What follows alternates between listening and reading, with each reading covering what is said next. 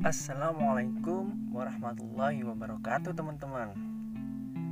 Kembali lagi kita dipertemukan dalam podcast PDIPM Sidoarjo. Ya, untuk teman-teman yang masih rebahan Yang masih bingung harus melakukan kegiatan apa untuk mengisi waktu luang Kalian gak salah deh buat dengerin podcast ini.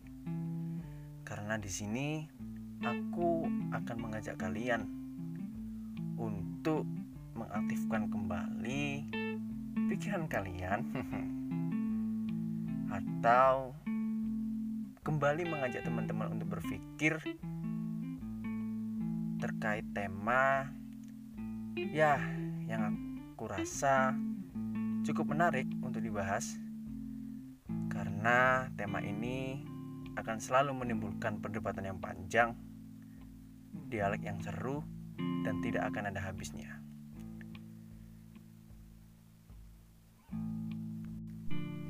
Tentu tidak lain dan tidak bukan nih, sekaligus untuk memperingati Hari Pendidikan Nasional, maka aku membawa tema tentang pendidikan tentunya. So, untuk teman-teman, don't go anywhere and stay tuned.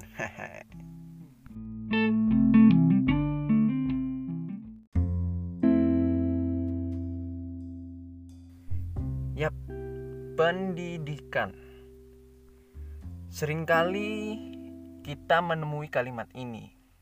Namun terkadang nih masih sangat susah juga untuk kita menjelaskannya. Maka, jika kita lihat dari kata dasarnya, yakni didik di dalam KPBI berarti memelihara dan memberi latihan mengenai akhlak dan kecerdasan pikiran. Nah, saat diberi kata imbuhan hingga menjadi kalimat pendidikan, maka artinya adalah proses pengubahan sikap dan tata laku seseorang atau kelompok orang dalam usaha mendewasakan manusia melalui upaya pengajaran dan pelatihan. Sementara nih, jika kita tinjau dari bahasa Arab, pendidikan di dalam bahasa Arab disebut dengan tarbiyah yang secara umum akan menimbulkan atau kita akan menemukan tiga kata kerja yang berbeda yaitu ada robayarbu yang bermakna berkembang. Lalu ada robia yarba yang bermakna tumbuh dan juga robba yarubbu yang bermakna mengurus, memelihara atau menjaga. So, makna pendidikan secara umum berarti bisa dikatakan sebagai suatu proses pengembangan, proses pelatihan yang meliputi akal, jasad, dan juga hati atau jiwa. Yang di dalam proses itu akan diliputi dengan kasih sayang dengan bertujuan untuk menyempurnakan fitrah manusia. Ternyata Akhirnya kita ketahui bahwasannya pendidikan ini memiliki fokus yang lebih ya teman-teman. Karena pendidikan ini meliputi hal-hal yang berkaitan dengan karakter maupun pribadi seseorang. Maka tidak salah ketika kita sering kali mendengarkan kalimat Wah, dasar kamu orang yang tidak berpendidikan Atau kata-kata sebagai orang yang berpendidikan, kita harus bla bla bla bla bla. Begitu pula dengan nama kementerian di Indonesia, yakni Kementerian Pendidikan dan Kebudayaan. ya kan? Jadi setelah kita ketahui definisi dan penjelasan sedikit terkait pendidikan itu tadi, sudah saatnya kita mencocokkan dengan kondisi pendidikan di Indonesia saat ini apakah pendidikan di Indonesia sudah meliputi baik itu sisi kasih sayang, sisi pelatihan akal, jasad, dan jiwa, atau bahkan apakah sudah melalui proses-proses atau tahapan yang benar sehingga mampu untuk mengubah pribadi atau karakter seseorang menjadi lebih baik. Karena nih, banyak orang yang mengatakan kalau pendidikan di Indonesia itu sudah melenceng jauh dari apa yang dicita-citakan dan apa yang dikonsepkan oleh Bapak Pendidikan Nasional itu sendiri. Yap, Ki Hajar Dewantara. Sama halnya dengan sistem ekonomi koperasi yang dicetuskan oleh Muhammad Hatta pada akhirnya ditinggalkan pula oleh negara Indonesia itu sendiri. Miris banget deh. Seperti teman-teman ketahui bahwasannya Ki Hajar Dewantara terkenal dengan taman siswanya. Iya kan? Dan aku memaknai taman siswa di sini adalah sebagai representasi atau perwujudan dari keadaan di sekitar kita. Ya, jadi peserta didik diharapkan mampu untuk belajar dengan keadaan real yang ada di sekitar mereka atau yang terjadi pada dirinya. Ya, bisa dikatakan mungkin nih Ki Hajar Dewantara terinspirasi dari para filsuf Yunani yang mereka kan belajarnya langsung bersentuhan dan mengamati fenomena baik itu alam maupun sosial. Sehingga para filsuf Yunani mampu untuk mendobrak penjelasan orang-orang yang mengaitkan fenomena-fenomena alam dengan mitologi atau dewa-dewa, mitos-mitos, dan tahayul. Selain taman siswa, Ki Hajar Dewantara juga terkenal akan fatwa-fatwa pendidikannya yakni ada tetap antep mantep lalu ngandel kandel kendel bandel. Tetap yakni pendidikan harus berorientasi pada ketetapan pikiran para peserta didik.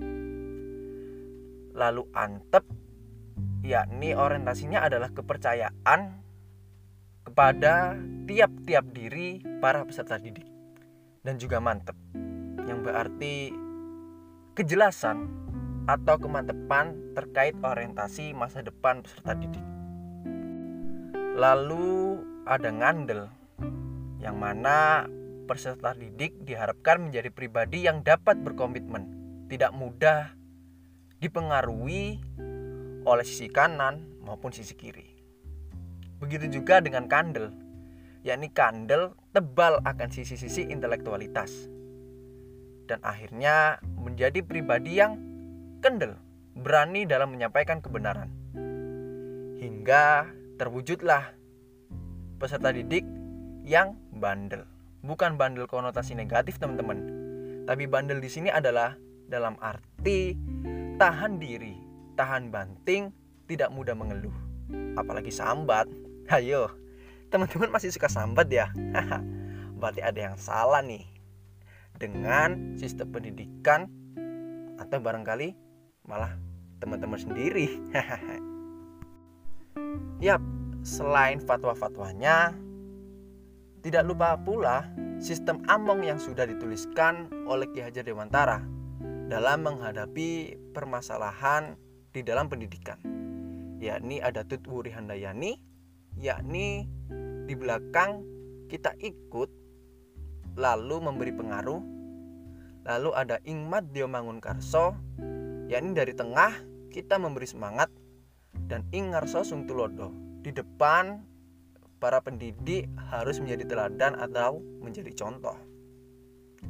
Ya namun ketika kita mencapai pada taraf yang lebih pribadi, permasalahan yang pribadi, Ki Hajar Dewantara juga memiliki konsep. Ya, konsepnya adalah Neng, Ning, Nung, dan Nang. neng yang berarti meneng. Jadi kita sejenak atau memberi jeda dari keramaian. Lalu ada ning yakni keheningan jiwa, hati yang bersih. Lalu ada nung yang berarti perenungan, introspeksi diri atau bisa dikatakan juga dengan hanung, kebesaran hati, mampu untuk menerima kritik dan sarang hingga pada akhirnya kita akan mencapai pada tahap nang, yakni menang setelah kita melalui proses atau tahapan neng, ning, dan nung. Memang Bapak Pendidikan Nasional kita ini sebenarnya sangat oke okay ya. Seharusnya kita bangga memiliki Ki Hajar Dewantara. Selaras dengan pendidikan Ki Hajar Dewantara teman-teman di Brazil juga ada tokoh pendidikan yang sangat terkenal, yakni Paulo Freire.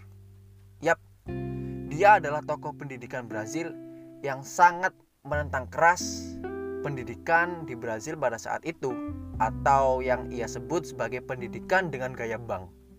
Yap, bank tempat kita yang katanya menabung uang itu di mana dia merasa pendidikan saat itu menganggap murid itu sebagai objek yang pasif ya kita dianggap sesuatu yang pasif. Kita hanya disuruh untuk menghafal ataupun kita dalam keadaan dicekoki oleh teori-teori dari para guru tanpa kita paham maksud dari teori-teori itu dengan keadaan di sekitar kita. Ya mungkin contoh sederhananya, pernah nggak kita berpikir Katakanlah nih ketika pelajaran matematika Kita diberi rumus segala macam Lalu pernahkah kita bertanya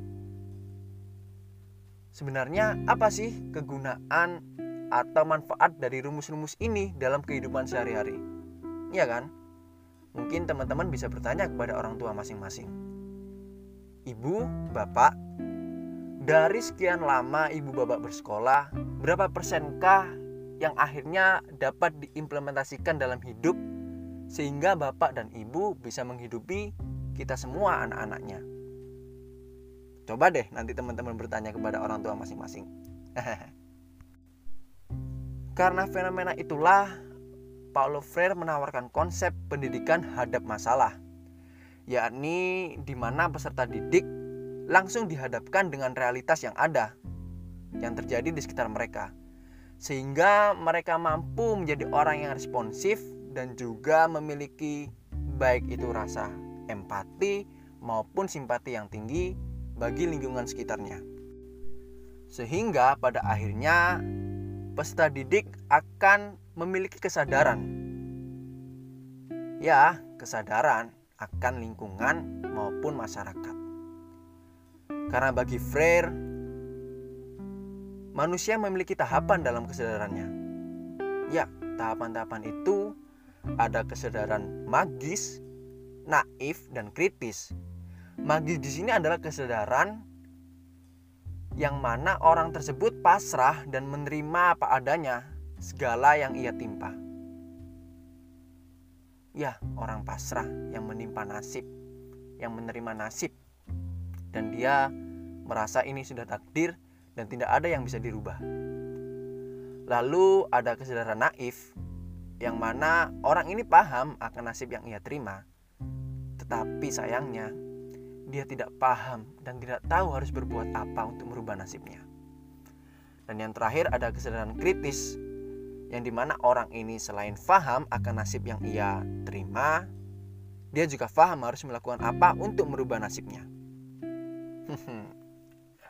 Namun teman-teman, konsep seperti ini sudah lama digaungkan atau disinggung oleh sang hujatul Islam, yakni tidak lain dan tidak bukan adalah Imam Al-Ghazali. Di mana ia menuliskan ada empat kriteria. Yakni yang pertama ada rojulun yadri wa yadri annahu yadri. Yakni orang tahu yang tahu bahwasannya dia ini tahu. Jadi ini akan tepat dilabelkan kepada orang-orang alim karena dia tahu dan sadar akan ketahuannya. Lalu yang kedua ada rojulun yadri wala yadri annahu yadri. yakni orang tahu yang tidak tahu bahwasanya dia ini tahu. Jadi mungkin akan tepat jika diilustrasikan seperti orang-orang yang dijuluki singa tertidur.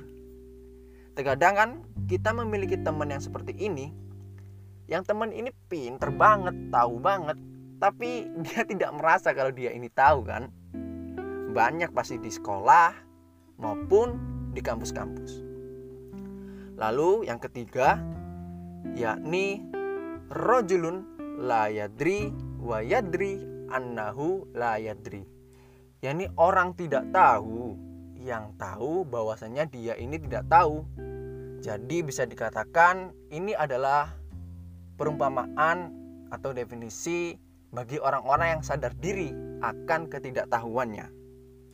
Dan yang terakhir ada rojulun la yadri wala yadri annahu orang yang tidak tahu dan tak tahu bahwasanya dia ini tidak tahu jadi orang yang susah untuk dinasihati maupun diberi kritik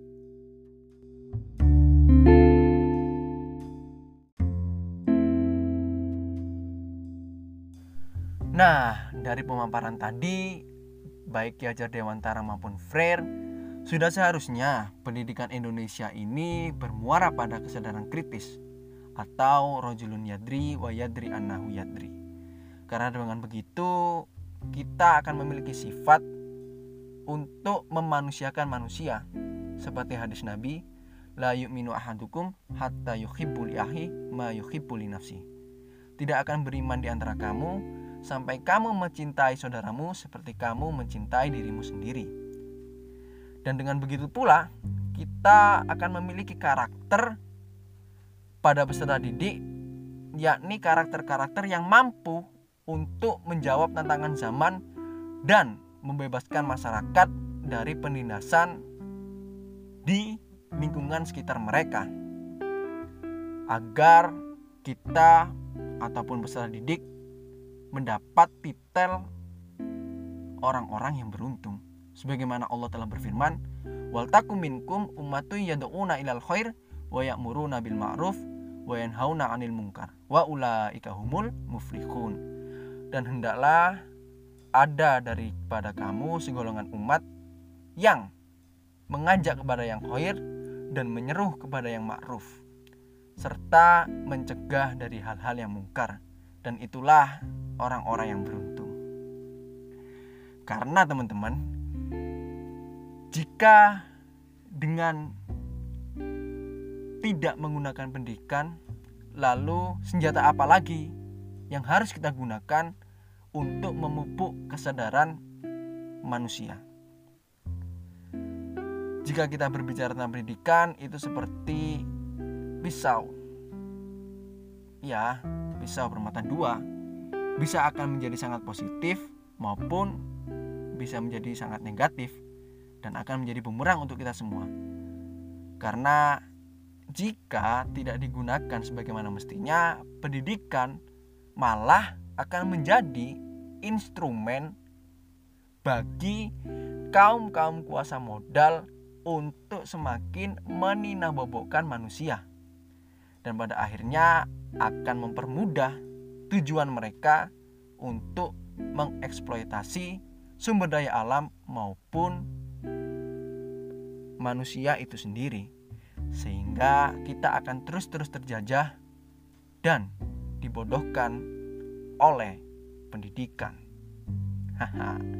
Akan sangat berbahaya tentunya.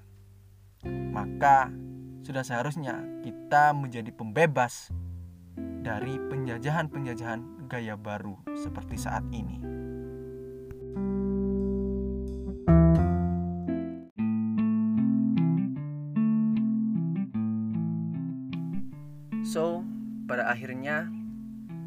Menjadi kader IPM memang tidak mudah karena harus ada dampak yang kita berikan kepada masyarakat dan lingkungan di sekitar kita. Pilihannya hanya ada dua, menjadi masalah atau menjadi solusi dari masalah yang ada. Terima kasih atas perhatian teman-teman. Senang bisa berbagi dengan teman-teman dan mohon maaf bila ada salah kata. Nun wal kolam wa mayasturun iskariman au syahidan. Wassalamualaikum warahmatullahi wabarakatuh. IBM Jaya!